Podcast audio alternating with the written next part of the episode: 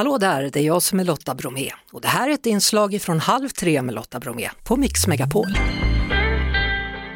Just nu så pågår en tv-sändning från London, England och man räknar med att över 4 miljarder människor kommer att följa begravningen av Elisabeth II. Och så här lät det när begravningen ägde rum för en stund sedan. Here, where Queen Elizabeth was married and crowned, we gather from across the nation, from the Commonwealth, and from the nations of the world, to mourn our loss. Så lät alltså under begravningsakten då i kyrkan.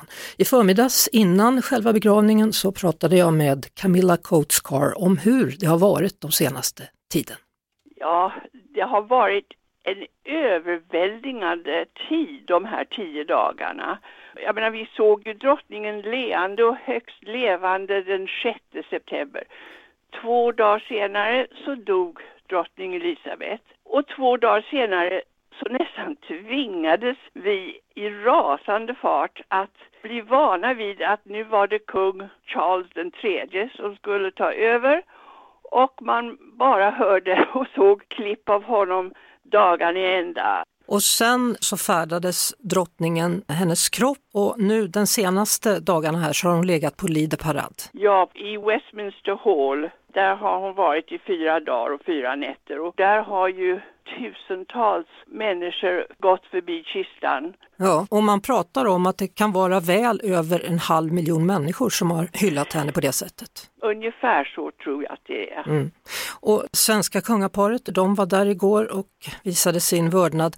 Men också en fotbollsspelare vid namn David Beckham. Ja, han köade 13 timmar. Han startade sitt köende två på natten och kom fram 13 timmar senare. Och han blev faktiskt erbjuden att hoppa fram för det är vissa som får företräde men han sa nej tack, jag köar. Igår kväll då så hade man en bankett på Buckingham Palace. Ja, för tusen kungligheter och politiker från hela världen kom för att visa sin respekt på Buckingham Palace. Mm. Och sen har också barn och barnbarn stått hedersvakt runt kistan. Ja, det har ju varit väldigt rörande därför att barnen, drottningens barn stod flera kvällar. De står en kvart eller 20 minuter och eh, hedrar henne vid kistan. Och sen också rörande när man ser hennes barnbarn stå och hedra henne medan människor går förbi. Oerhört rörande. Och jag tror att i och med att allmänheten har fått se in lite mer i kungens, den nya kungens liv. Han tillät ju alla de här ceremonierna att visas på tv. Det har ju aldrig visats förut.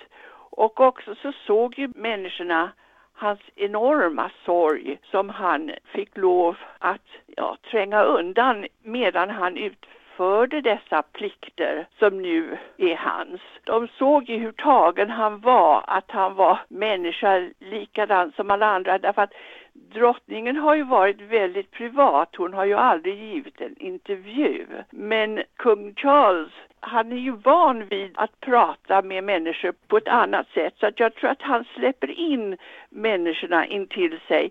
Så att det är redan en värme där jag menar, när han syns nu så ropar ju alla Long live the king och God save the king och så vidare.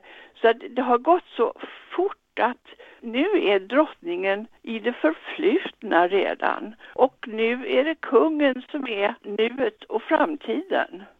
Camilla, det är ju en stor historisk dag så jag tänker att jag återkommer till dig efter att begravningen har ägt rum så får jag höra dina tankar och känslor då. Ja, men gör det Lotta. Gör det gärna för det, det är en väldigt högtidlig och viktig dag och jag är väldigt tacksam att vara med.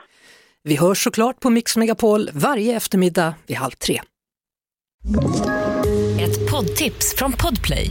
I fallen jag aldrig glömmer djupdyker Hasse Aro i arbetet bakom några av Sveriges mest uppseendeväckande brottsutredningar går vi in med hemlig telefonavlyssning och, och då upplever vi att vi får en total förändring av hans beteende. Vad är det som händer nu? Vem är det som läcker? Och så säger han att jag är kriminell, jag har varit kriminell i hela mitt liv men att mörda ett barn, där går min gräns. Nya säsongen av Fallen jag aldrig glömmer på Podplay.